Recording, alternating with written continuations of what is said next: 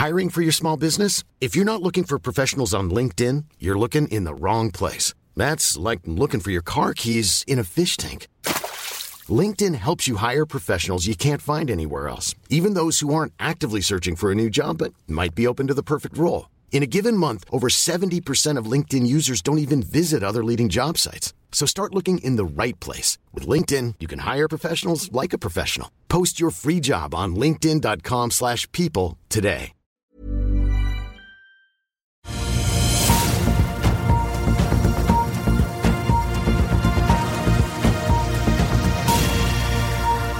En riktig god torsdagsmorgen alle sammen, og velkommen til Børsmorgen her hos oss i Finansavisen. Mitt navn er eh, Marius Lorentzen sammen med aksjekommentator Karl Johan Målnes fra Smestadammen her i Oslo.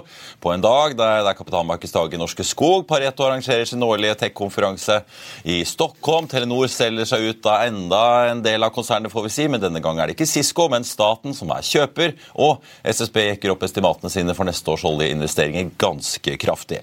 Vi skal snakke med to selskaper som har sluppet tall i dag. Kristian Sørensen er ny sjef i verdens største gassfraktselskap fraktrederi BVLPG, som seiler i kraftig medvind om dagen. Og sammen med båten leder en Vipco som lever litt i skyggen av Tomra, men som også ser eh, ut til å leve godt på at stadig flere land ruller ut eh, panteordninger. Nøkkeltall i markedet som er verdt å få med seg nå. Hovedindeksen steg jo en kvart prosent i går. DNB venter et fall på 0,2 fra start i dag. Nordnett eh, ligger inne med et estimat på minus 0,4 i et marked som forsøker å fordøye budskapene fra møtet mellom Kina og USAs presidenter i San Francisco i går. Wall Street fortsatte oppover, om enn roligere enn tirsdagens inflasjonsrush, får vi si. Dow Jones ledet han med en oppgang på en halv prosent, med Nasdaq nesten opp 0,1. I Asia så har pilene snudd nedover i dag. Vi ser også nordsjøoljen mister litt høyde. Nå ligger vi på en 80 dollar og 42 cent i spot-markedet. Telenor-aksjen fikk seg et lite byks, får vi si et lite minibyks før stengetid i går på nyheten om at Telenor altså vinner frem i en skattesak om India-garantier og snart kan få inn da 2,4 milliarder kroner fra norske myndigheter på starten av neste år, etter at Høyesterett altså får kastet anken fra staten. Også på morgenkvisten så har det kommet en melding til fra Telenor. De melder at de altså skal selge Telenor Satellite til statseide Space Norway for en selskapsverdi på 2,4 milliarder kroner hvis Stortinget sier ja. Telenor Satellite opererer satellitter over Europa, Midtøsten og Nord-Afrika. Og Space Norways aktiviteter spenner seg fra alt fra små satellitter i lav bane til større satellitter og bakkeinfrastruktur. Og så får vi nevne at det kommer mer om den transaksjonen på FA.no utover dagen. Næringsminister Jan Christian Vestre er eh, nå på et arrangement sammen med Telenor for å legge frem eh, detaljene i avtalen. Subsea 7 er ute med tall, fikk et justert resultat på 201 millioner eh, dollar, omtrent som ventet. Ordreinngangen var på 2,1 milliarder dollar, langt over DNBs estimat på 1,5. Og så har vi tall også fra Bård Drilling i dag. Justert resultat som steg 4,2 millioner dollar til 88,2. Og så får vi også ta med at ordreboken nærmer seg nå 1,9 milliarder der i gården. Og så er det disse oljeinvesteringene da, som veldig mange på Oslo Børs eh, lever godt av. SSB er ute med nye tall for 2023. Der økes estimatene med 1,4% til 216 milliarder. For neste år så øker man med 25 milliarder opp til 232 SSB peker samtidig på at veksten i investeringsprisene så langt i år er på litt over 10% og Det betyr jo da at denne oljestatistikken som føres til løpende priser, faktisk betyr at uh, veksten er langt lavere enn det prisveksten er i næringen om dagen. God morgen, uh, Karl Hans. Skal vi kaste oss over noen andre som har kommet med nyheter i dag, nemlig Norske Skog, som har Det er vel den første kapitalmarkedsdagen siden skogkonsernet fikk ny sjef? Ja, Geir Drangsland er en veldig solid eh, kar. Han har jo vært inne i studio her. og De gode nyhetene Jeg har sett litt på presentasjonen. En veldig omfattende presentasjon. og eh, Det virker som at de eh, har full kontroll på alt som foregår. Men det er klart den dårlige nyheten er jo at de er noen til konjunkturer. og Estimatene på EPS har jo halvert seg både for i år og neste år, bare i løpet av seks måneder. Ja. Så, og og litt lengre, På litt lengre sikt da, så er liksom den stygge nyheten det er jo det at eh, du konkurrerer jo på lang sikt mot USA når du, når du da sliter når dollarkursen er så høy som den er og USA har så mye lavere energipriser. Så kan man jo lure på hvordan dette vil se ut når USA får nedgangskonjunktur og dollaren får sin sykliske nedgang som den bruker å få. Eh, og Vi skal jo høre her eh, fra BVLPG litt senere at det er jo veldig lave energipriser i USA, og det er jo energiintensivt. dette her. Så, så, men heldigvis, Norske Skog er i gode hender. De, de gjør så godt de kan. og det, det, viktige er jo hva de største aksjonærene sier når de kommer ut fra møtet, og hva de, hva de stemmer med føttene og med med, med liksom hva de gjør med aksjen når de kommer ut. Men det er helt klart, all informasjon er på bordet. Veldig prisverdig at de gjør dette her. Og det er jo veldig flott å være aksjonær. Du får all informasjon. Og det, det, det, er jo tre timer i dag, da. Det skal ja, så, det er, så det er full gjennomgang, og alle divisjonsdirektører. Så prisverdig. Og som eh, Drangsland sa sist, eh, de jobber jo med et potensielt salg ut av eh, Oseania, da. Så vi kan jo se om ja. det kommer noe der. Ja om ikke altfor lenge. Du, jeg tenkte jeg bare må holde opp dagens avis også, fordi Paul Harper, aksjestrateg i DNB Markets, ute med Er det et lite advarsel, litt sånn rødt flagg eh, med advarsel? Ja, det, det, er jo på gang, dette. og Du ser fra Norske Skog-tallene og estimatene også at det, eh, veksten er ikke så sterk. altså Vi har hatt en veldig kredittledet vekst i tredje kvartal. og Det vil ikke forbause meg om det at du tok et mål og så viste det seg at nedgangskonjunkturen var der nå. For det ser sånn ut på, på inntektstallene fra vanlige selskaper. altså Kun 1% vekst når du har ganske sterk inflasjon. Det er veldig lavt på Russell 3000. Og, og eh, det er klart det er rent renta biter. og Det er en av grunnene også til at jeg, jeg, tror ikke det man skal forvente noe særlig med renteoppgang, og at det da blir å vente på første rentekuttet, som skal komme ti måneder typisk etter uh, siste renteøkning, og da er vi i mai neste år. Ja. Og da kommer, det, da, da kommer, det, typisk i form av at et eller annet har gått galt, og så senker man renten med 2% i første steg. Da, fordi at man må gjøre det. For det, det er en kreditthendelse, du må gå inn og berge systemet.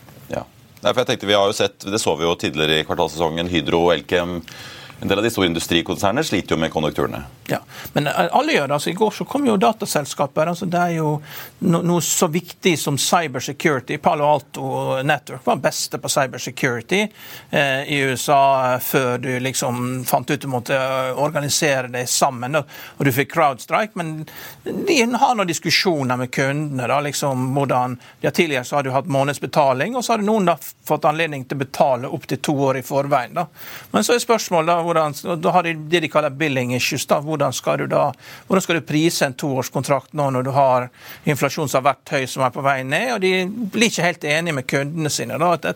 Og, og, det er klart, Her er det issues. og Selv for noe så viktig som cybersecurity, så sitter nå kunden og passer og teller dollarene. Da, på. Og det er klart, Når du kommer til det punktet, så, så vil det merkes hos alle selskaper. Jeg håper ikke du sitter med noen svensk næringseiendomsaksjer for tiden? Nei, jeg så det var litt issues der, ja. Så det var, var det, Dagens Industri ja. Eh, kunne i går avsløre at eh, Finansinspeksjonen, altså svenske Finanstilsynet, har eh, anmeldt Litt uklart hvem som egentlig har anmeldt, da, men de har i hvert fall sendt inn en anmeldelse til da svenske korrupsjonspåklageren mot hele Alekta Heimstaden-komplekset. Alekta er den største investoren i Heimstaden.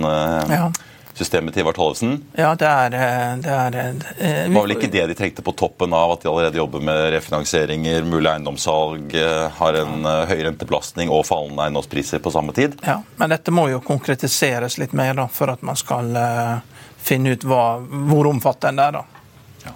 Så det, vi trenger litt mer informasjon. The story ain't over yet, ja. tror jeg. Hovedindeksen på Oslo Børs er eh, så vidt i gang. Eh, holder foreløpig hodet over vann med en oppgang på 0,1% Før vi tar inn dagens hest, tenkte jeg bare å nevne Oddfield Dilling, som melder at Equinor har utøvd en opsjon da for Deepsea Aberdeen på Breidablikk-feltet. Det gir dem nesten 140 millioner dollar i inntekter. Ellers er også Panoro Energy og BV Offshore ute med tall i dag. BV Offshore økte bruttodriftsresultat med rundt 15 til 76 millioner dollar i tredje kvartal mot samme tid i fjor. Så kommer det et utbytte da hvor en del av utbyttet er aksjer i BV Energy. og så får jeg også si at Hvis man ganger opp da EBT-en i tredje kvartal nå med fire, så ender man på litt over 300 millioner dollar. og Det er også der BV Offshore da guider 2024 på årsbasis, nemlig da 290 til 310 millioner dollar. Det er drøyt ti mer enn det de guider for da for 2023. Vi er straks tilbake med sjef sjefen i BVLPG rett etter dette. Vil du bli oppdatert på det viktigste som har skjedd innen finans og næringsliv? Da er det bare å følge med, for hver morgen er jeg, Marius Lorentzen og aksjekommentator Karl Johan Malnes på plass i studio for å ta tempen på dagens marked i Børsmorgen. Og hver ettermiddag oppsummerer vi alt du trenger å vite i økonominyhetene, og det blir selvfølgelig masse interessante gjester. Klikk deg inn på fa.no-tv, eller søk opp Børsmorgen og Økonominyhetene der du hører på podkast. I'm Sandra, and I'm just the professional your small business was looking for. But you didn't hire me because you didn't use LinkedIn jobs. LinkedIn has professionals you can't find anywhere else, including those who aren't actively looking for a new job but might be open to the perfect role, like me.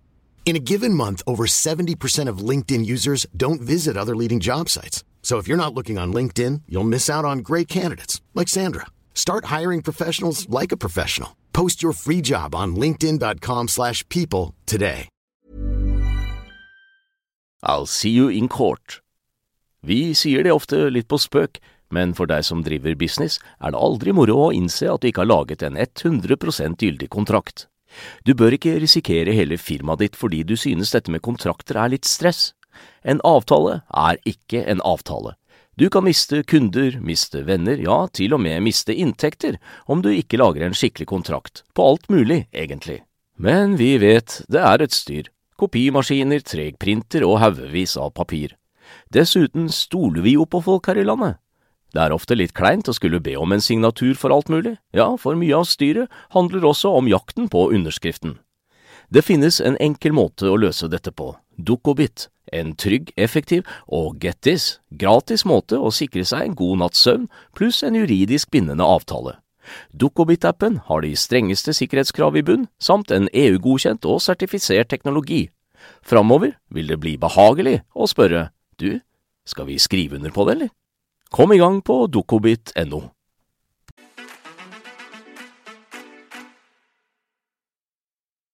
SEB er ute og oppjusterer kursmålet på gassfraktrederiene etter kvartalsslippene vi har hatt eh, de siste dagene. Kursmålet på BVLPG tas opp fra 150 til 210, og kjøpsanbefalingen gjentas. Aksjen ble sist omsatt i går da for 165, og da får vi si velkommen til Kristian Sørensen, relativt ny sjef i BVLPG fra 1.10. Ja, takk for det. Selv om det har vært et rødt år i selskapet, da. Ja, det er sant det. Nei, det takk for en hyggelig invitasjon. Hyggelig å være her. Du, skal, vi skal, skal, vi begynne litt før vi går inn i tall, så skal vi snakke litt om eh, Panama. fordi det er jo gode tider generelt, og det kan vi komme tilbake til liksom det strukturelle som har drevet opp det. men nå har vi situasjonen i Panamakanalen som virker å gjøre ting enda mer lukrativt for dere og egentlig krevende for skipslogistikken i verden? Ja, det, det er helt korrekt. og det er klart det som, som har drevet vårt marked de siste uh, årene, er jo i tillegg til uh, sterk vekst av eksport fra LPG fra USA og også Midtøsten, alle de uh, problemene, utfordringene man har rundt Panamakanalen. Og, og det som, som, jo er, er et faktum er at LPG-skip har lavere prioritet i Panamakanalen, mens LNG og containerskip har første- og andre prioritet.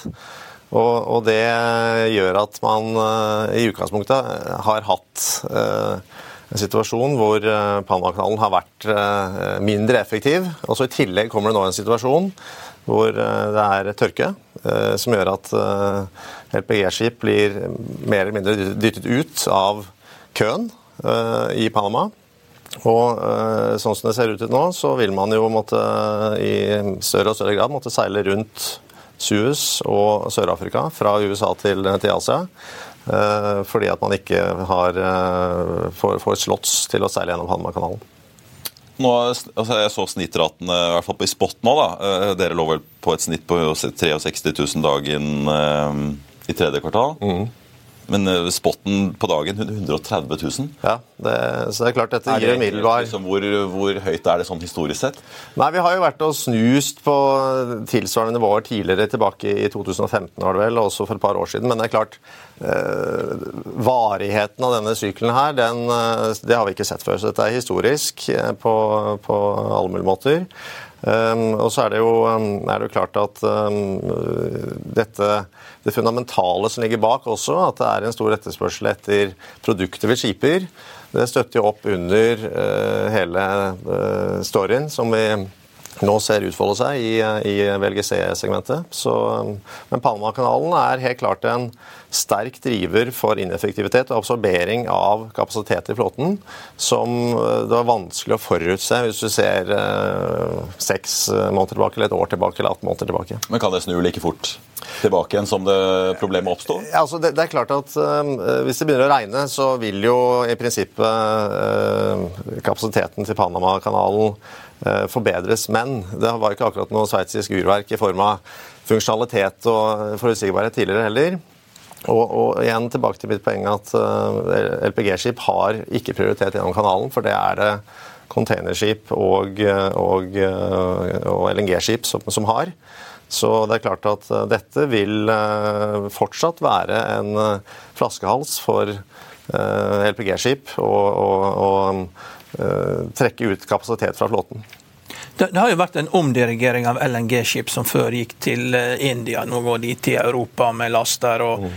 eh, er LPG-en som går fra USA til India, er det erstatning fra LNG som skulle ha gått der, eller er det, er det andre kjøpergrupper? Er de fattige som får mer LPG, og de rike får mindre LNG? Er det sånn der? Eh, ikke helt. Det, du kan si at indi, indierne de eh, tar opp ca. halvparten av eksporten fra Midtøsten.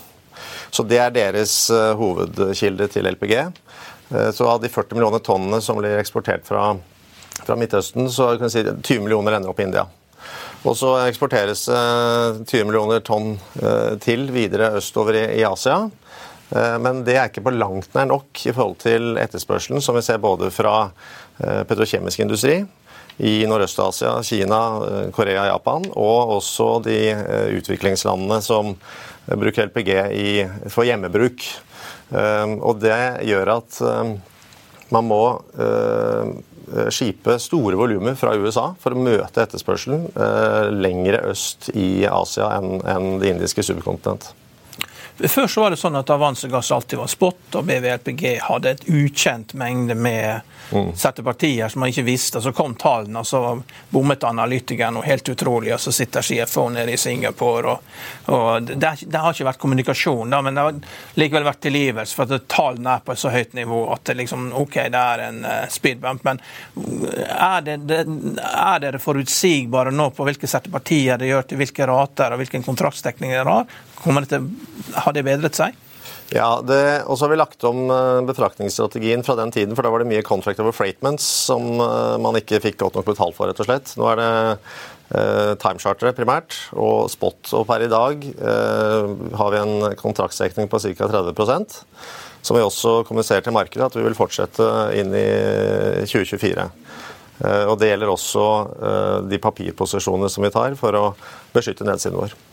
Hvor mange skip er totalmarkedet på nå? Ja, altså Ved slutten av året så ender det opp på 370 skip ca. Ja, hvor mange har dere av de? Vi kontrollerer 45, ja. uh, hvorav vi eier uh, eh, 32. Er mye av dette her japansk som ikke er i markedet, som bare går mellom Japan og Saudi-Arabia, eller er dette det frie markedet? Ja, dette er et, et meget aktivt spotmarked, som ja. så vil si at Jeg vil si at um, hvis du ser på Eh, VLGC-markedet er ganske likt tankmarkedet på mange måter. Eh, og veldig spot-drevet. Opp Opptil ettårskontrakter er på en måte det, vanlige på timecharter. Kanskje du kan nå få to-treårskontrakter i større grad. Men det er veldig, det er veldig lik dynamikk som du ser i tankmarkedet. Ja, men Før så Japan og Bergensen hadde 50% av markedet hver. Ja. Og det, det der er jo videreførelsen av Bergensen-flåten. Så, så, så det, Japan er, har blitt mye mindre da, rett og slett? Det er riktig. Fordi eh, den japanske dominansen i markedet, den uh, Importvolumene til Japan er mindre enn det de var. Og det store importmarkedet nå er uh, Kina, India og Sørøst-Asia. Mens Japans relevans relativt sett har gått ned. Si litt om eh, flåteutviklinga. For, eh, for, en investor så er jo det det store risikomomentet ja. i shipping er hver gang at det kommer altfor mye skip inn. Ser vi vel det utspille seg i container. Eh, hvordan ser det ut hos dere? Jeg ser jo at dere har gjort eh, noen dealer i kvartalet. Dere har solgt en og tatt eh, en pen gevinst på ett skip, Kjøpte et annet på en opsjon. Så jeg ser jo dere i hvert fall sitter og dealer litt. Eh, men blir det noe nettovekst hos dere fremover, eller hos konkurrentene i flåten som sådan? Det er klart, eh, Både vi og markedet var jo bekymret for en, en stor ordrebok som, som er i ferd med å fases inn i markedet. Nå ser det ut til å bli, eh, gå greit, og at den ytterligere kapasiteten blir absorbert bra. Eh, For vår del så har vi ingen, eh, ingen nybygg i ordre. Vi, vi, har en, vi har solgt en del skip, rett og slett for at det har vært fantastiske priser å, å kunne selge skipene for. Som vi også annonserte nå sist i, i kvartalsrapporten. Salgspris på 64 og gevinst på 20 millioner dollar. Riktig. så det så Så, dette, så det er jo historisk høyt. Og i tillegg så så, så vi, har- vi har ingen eh, planer om å vokse i dette markedet, fordi eh, asset-prisene er rett og slett eh, veldig veldig høye. Og vi sliter med å regne det hjem. Så, men det er en, det er en flåtevekst som, som, som man er inne i nå, som jeg vil si etter sommeren neste år så er det en avmatning i antall skip som blir levert. Så det, det ser ut til at, eh, at dette, eh, denne flåteveksten blir absorbert godt av markedet, og ratenivåene de, de reflekterer jo det på, eh, på en grei måte, vil jeg si. Kan du si noe om utbyttepolitikken? Ja, altså Utbyttepolitikken vår er eh, vi, vi betaler så lenge vi har under eh, 20 eh, net leverage, og det er rundt der vi ligger nå, så betaler vi 100 av, eh, av utbytte utbyttet på shipping. Og så har vi i tillegg en, en trading eh, eh, som vi også eh, nå er i ferd med å begynne å betale et utbytte fra. Men, men der er det mer Dette er jo selvfølgelig alltid opp til styret å bestemme, men vi, vi har en 100% utbyttepolitikk, sånn som eh, net leverage-situasjonen er nå, og markedsutsiktene ser ut til å være. Ja, for jeg så på i hvert fall regnskapet så langt, så har jo driften generert i år rundt 350 millioner dollar. 300 har gått ut til utbytte, så da er det jo også i 20 til renter. Så da er det jo ikke så stort sett alt blir jo betalt ut Ja. Av det du sitter igjen med fri kontantstrøm. Da. Men det er fordi at skipet er for, det er for dyrt å kjøpe inn. Ja, så, så nå er det vi, vi, vi ser det som viktig også i, i denne type markeder å, å, å betale ut uh, dividender til, til aksjonærene. Um, og, og som du sier, dette er den uh, beste verdiskapende vi kan se for øyeblikket nå for aksjonærene våre, er å betale ut dividender. Og, og vi ser, sliter med å identifisere eh, profitable vekstmuligheter for øyeblikket innenfor shipping. Eh, Men vi, vi har jo også annonsert at vi ser på å investere muligens i andre deler av verdikjeden hvis vi finner profitable eh, og lønnsomme vekstmuligheter der. Men da Og- tenker du terminaler på land, den type ting? Den type ting. Og, og vi har jo også denne tradingvirksomheten vår, som, som nevnt, som vi investerte i i fjor. Og, og der er jo eh, Den begynner jo å gi eh, avkastning av seg nå. Ja, for for det virker jo nesten Jeg nevnte jo strukturen, altså det som har ført til at dette har blitt så svært. Det er vel mye skifer, olje- og gassproduksjon på land i USA. Hvis du ser på hva Exxon og Chevron og Occident og hele gjengen holder på med, så virker det som en ganske langsiktig satsing på at dette skal forbli veldig stort. Exxon etter kjøpet av Pioneer nå snakker jo om hvor mye flere milliarder fattig skal få opp av bakken. Eh, Er det det som dikterer litt den lange, de langsiktige utsiktene for volumer i bransjen, og også hva dere eventuelt finner på av terminalinvesteringer eller andre ting? da? Ja, helt klart eh, så, så ser vi det på som en meget positivt tegn at eh, Exxon, Chevron, eh, vi ser også terminaloperatørene i USA øker investeringene for å, for å være klare for økt vekst av eksportvolumer. Og dette er jo positive tegn, slik vi ser det, på mellomlang sikt også. Eh, Dette her har jo vært et søppelprodukt. altså Det er et residualprodukt fra oljeproduksjon. Så, Alt handler jo om alternativ kost. eh, og Jeg håper jo at de gjør dette for å tjene penger, ikke bare for å være miljøvennlige. at de også tjener penger. Men hvordan er det, hvordan er det liksom, hvordan er volumene flytta seg? altså det Permian-feltet ligger jo midt i Texas, gigantisk felt. altså Hvordan er det dere vet liksom, hvilke størrelser og volumer er det som flytter seg ned i de ulike prosessene? Eh, Hver gang olje flytter seg og hver det blir raffinert, så blir det generert eh, disse gassene. Hvordan er det dere planlegger rundt det? og Hvilke priser på propan er det som utløser at det blir eksportert? Det er klart, som du sier, LPG er jo et biprodukt av eh, olje- og naturgassproduksjon. Eh, og Av den grunn så er det også et veldig supply-drevet marked. Fordi produsentene olje og naturgass de, de ønsker å bli kvitt dette. Så hvis ikke de får solgt det på det nivået, så senker de prisen, og så klareres det i markedet. Og det er klart, Spesielt i det amerikanske markedet så er, det, er dette åpne data som, som annonseres hver, hver, uke, faktisk. Så kan du følge med på lagerbeholdning, produksjon osv. Så, videre. Så det er et ganske gjennomsiktig marked i, i så henseende. Midtøsten er litt mer enn black box. Eh, men i USA så er det relativt transparent hva som produseres og, hvordan lagrene utvikler seg. For du har, du har, vel industrikunder på propan i, USA, slik at når de etterspør mindre, så blir det mer propan tilgjengelig for eksport? Ja. Og eh, Konsumet i USA er eh, stabilt og til dels eh, slakt nedadgående.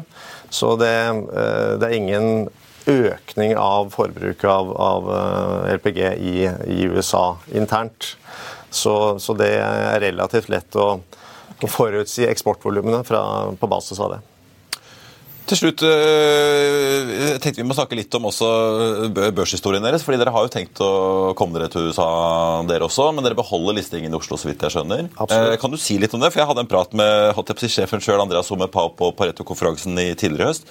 Han var jo ganske tydelig både til meg og til publikum der at eh, ja, Oslo Børs og Norge har jo vært en viktig havn for energiaksjer og shipping i mange mange år, men det er ikke sånn at vi bare kan lene oss tilbake og tro at det, sånn er det for alltid. og Han virket jo ganske åpen på at uh, kapitalmarkedet i USA også er interessant for energi- og shippingaksjer.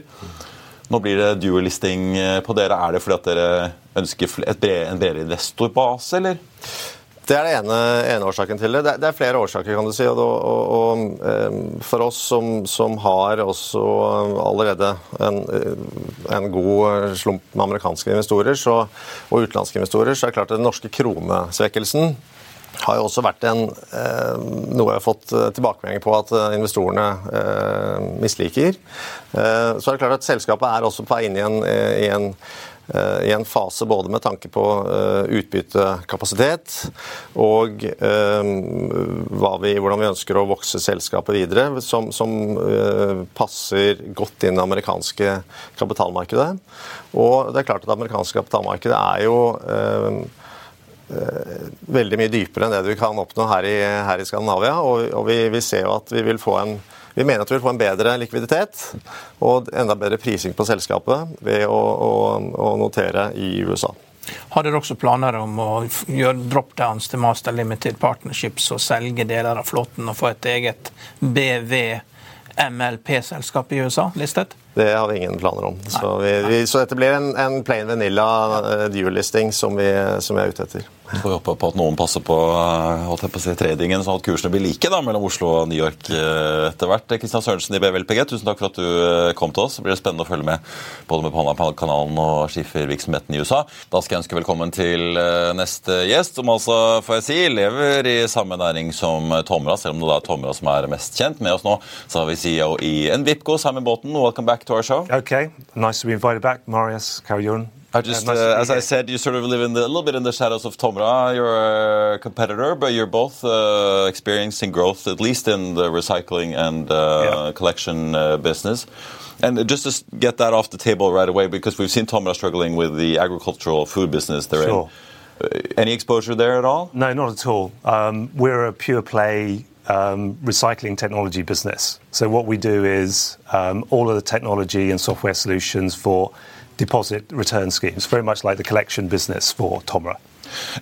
and I see you're growing now. Your revenues at almost 50% uh, compared to the Q3 yeah. last year. Uh, a lot of new countries coming on stream, yeah. especially in uh, Europe. Can you sort of go through yeah, certainly. at least the uh, the markets you're now uh, getting real revenues yep. and orders. Yeah, definitely.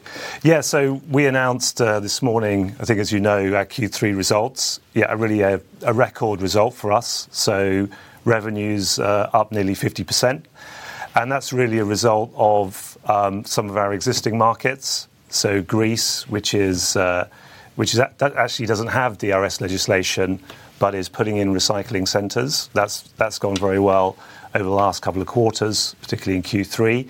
And also, we have the new markets, Hungary and also Romania.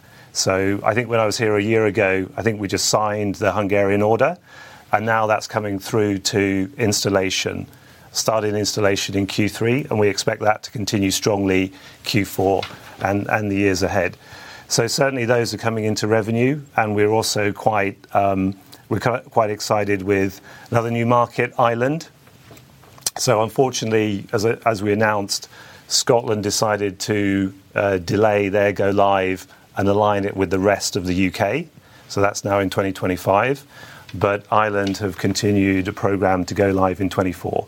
So we've secured a large order in Ireland, um, and that that equipment will start to be installed uh, this quarter in 4Q and in Q1. And maybe slightly further ahead, we have a number of other markets that are quite exciting. So Poland, Portugal, all driven by this EU legislation. On plastics. On plastics, Single-Use Plastics Directive, which gives hard targets, time-based targets for countries to adopt recovery schemes. And the best way of doing that is, like you have in Norway, putting a deposit on those beverage containers. Is that, is that the structure you're seeing in these new countries that uh, in Europe that are passing legislation?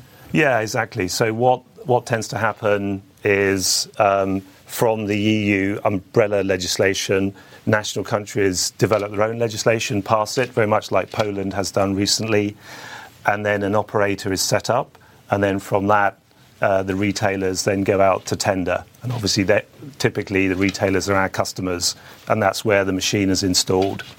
Uh, what are your biggest risks in this market? Obviously, uh, winning a contract once a country decides to go for this is a major one. But is it the potential delays in legislation and political processes that are sort of key here? Yeah, so that, that is clearly one. I think what has changed since maybe you know 10 years ago, it's not um, it's not if a country is going to adopt DRS. It's when it's going to adopt DRS. And the targets for collection are around you know 2025 and 2029. So that gives some hard deadlines where countries need to adopt these these these deposit schemes. So yeah, I think you know one of the risks is legislative process, although again, I think there's strong momentum that all of the countries are going to adopt such a scheme.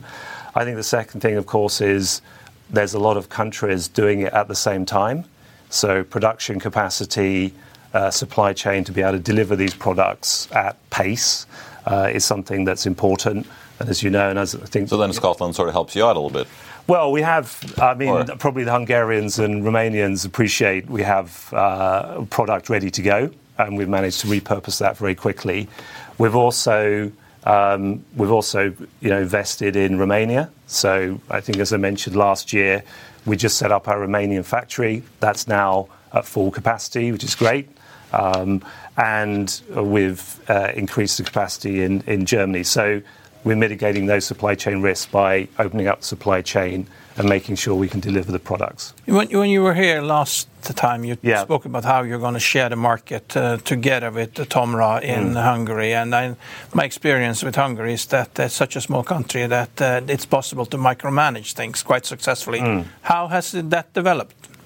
Yeah, look, I think it's developed well. Um, so um, in the Hungarian market, the operator, so the MOL Group, um, is is basically purchasing the equipment and then is deploying it into the retailers. So we have one customer. And that that obviously helps in terms of getting. Have you gotten your share, the share you expected? Yes, pretty much. Um, so the overall contract, the volumes that we announced about a year ago, um, we expect those to continue to come through. So we've made we've made a start on installations in Q3, and we expect that to accelerate in Q4 and the beginning of next year. Ultimately, as we go through you know the course of next year, maybe even into slightly into 2025, we expect the numbers that we announced to come through. And you are stronger on back-end uh, handling uh, than TOMRA, is that right? Yeah, well, we to our um traditionally, our um, Uh, kind of core focus is uh, small format standalone machines, which are really suited for smaller stores. However, however, more recently, uh, we've introduced um, or extended our range on larger machines. We've introduced something we call the modular product, which competes in that back-end space. And we've been Uh, we've already won a you know, significant order for 30 of those units in Romania. Uh, in your previous outlook, you talked about expecting quite significant growth in the second half of this year. Mm. Uh, it looks like in your outlook now you're still expecting growth uh, and also gross margins reaching 40% going forward. Um, but what type of growth will we see? Will we see 50% or is that a sort of outlier on the very high end? Well, um, certainly, you know, certainly, I mean, it's great to report uh, Q3. We see significant momentum generating in 4Q. So, and 4Q for us tends to be a little bit of a quieter quarter. So I think from a comparable point of view, then I think we, you know, we expect very good results in, in Q4. And we expect this to be something of a turning point for the business in terms of the level of business, the level of revenue that we have. And we have now, you know, that's based on significant contracts we have in our hand and also significant contracts we hope to get in some of these new markets. So, um, we expect some very good comparables for the next couple of quarters, yes. Uh, lastly, talk about your financing needs because since you were here last time, you've raised equity, you've yes. uh, raised some financing with banks, as far as I remember. Yeah, that's right. Um, how does your capital requirements look going forward now with with the significant growth and, like you said, a lot of uh, a lot of production needs as well if yeah. you're going to make all these machines for all these different markets? Yeah, look, it's a good question. You know, you know, from from last year, you're right. We did raise equity and we also took uh, debt from um, from Invest International, which is a kind of a, Dutch uh, government organisation, and that really built up the working capital needed for Scotland. And obviously, we, we're at the process of repurposing that. Um, you know, a combination of now getting into positive uh, operating profits and also uh, working that um, or moving that working capital through the system to cash means that we feel very good about our liquidity uh, for the quarters coming. Clearly, you know, we keep an open mind, um, and depending on the scale of some of these countries coming up, then, you know, if necessary, then we'll, you know, we'll address that when it comes. With all the delays that have come here, and uh, I don't, you don't have too many analysts that follow you, there's an mm. estimate of 128 million euros in sales for 2024. Uh, mm. Do you think you'll reach that? Look, we don't give uh, we don't give specific guidance. Um, I would say, you know, we're on a very strong growth trajectory. If you see, you know, it's 27% growth next year if you reach that. Yeah. Yeah, I again. Possible, or I mean, all the delays that have come, uh, doesn't it mean that these estimates have to come down? No, not really, because um, again, I think we see great, great growth momentum coming through. Um, I think a couple of things. We have, we have, you know, we have potential days for new markets. Remember that most of our core product, core projects that we're delivering on right now have set very clear go live deadlines, and we already are working on those projects. So I think the difference to maybe, you know, maybe five or six years ago for the business, where we had relatively little, you know, backlog or active projects, now we have active projects. So it starts a very good base for the business, and hopefully that can be added on by some of these new markets. So yeah, we're confident about uh, good growth.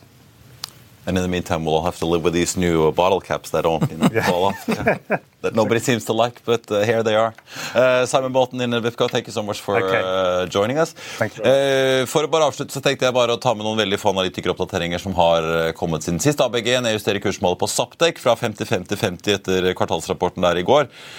Den aksjen ligger nå opp 1,8% til 20 kroner og 10, så mye oppside fortsatt der. Envitco, som vi akkurat snakket med, har en veldig pen dag på børsen i dag, opp nesten 8% fortsatt.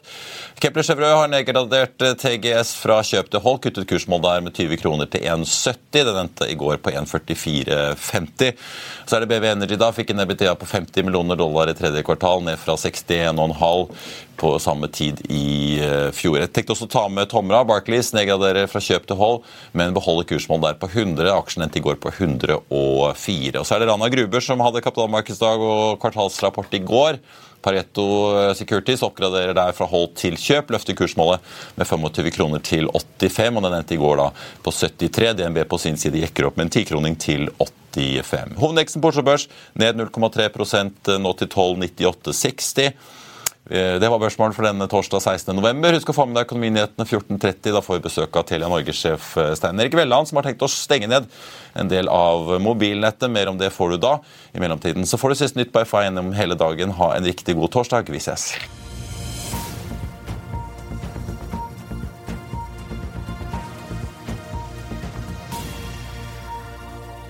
Økonominyhetene er en podkast fra Finansavisen. Programledere er Marius Lorentzen, Stein Ove Haugen og Benedikte Storm Bamvik. Produsenter er Lars Brenden Skram og Bashar Johar. Og ansvarlig redaktør er Trygve Hegnar.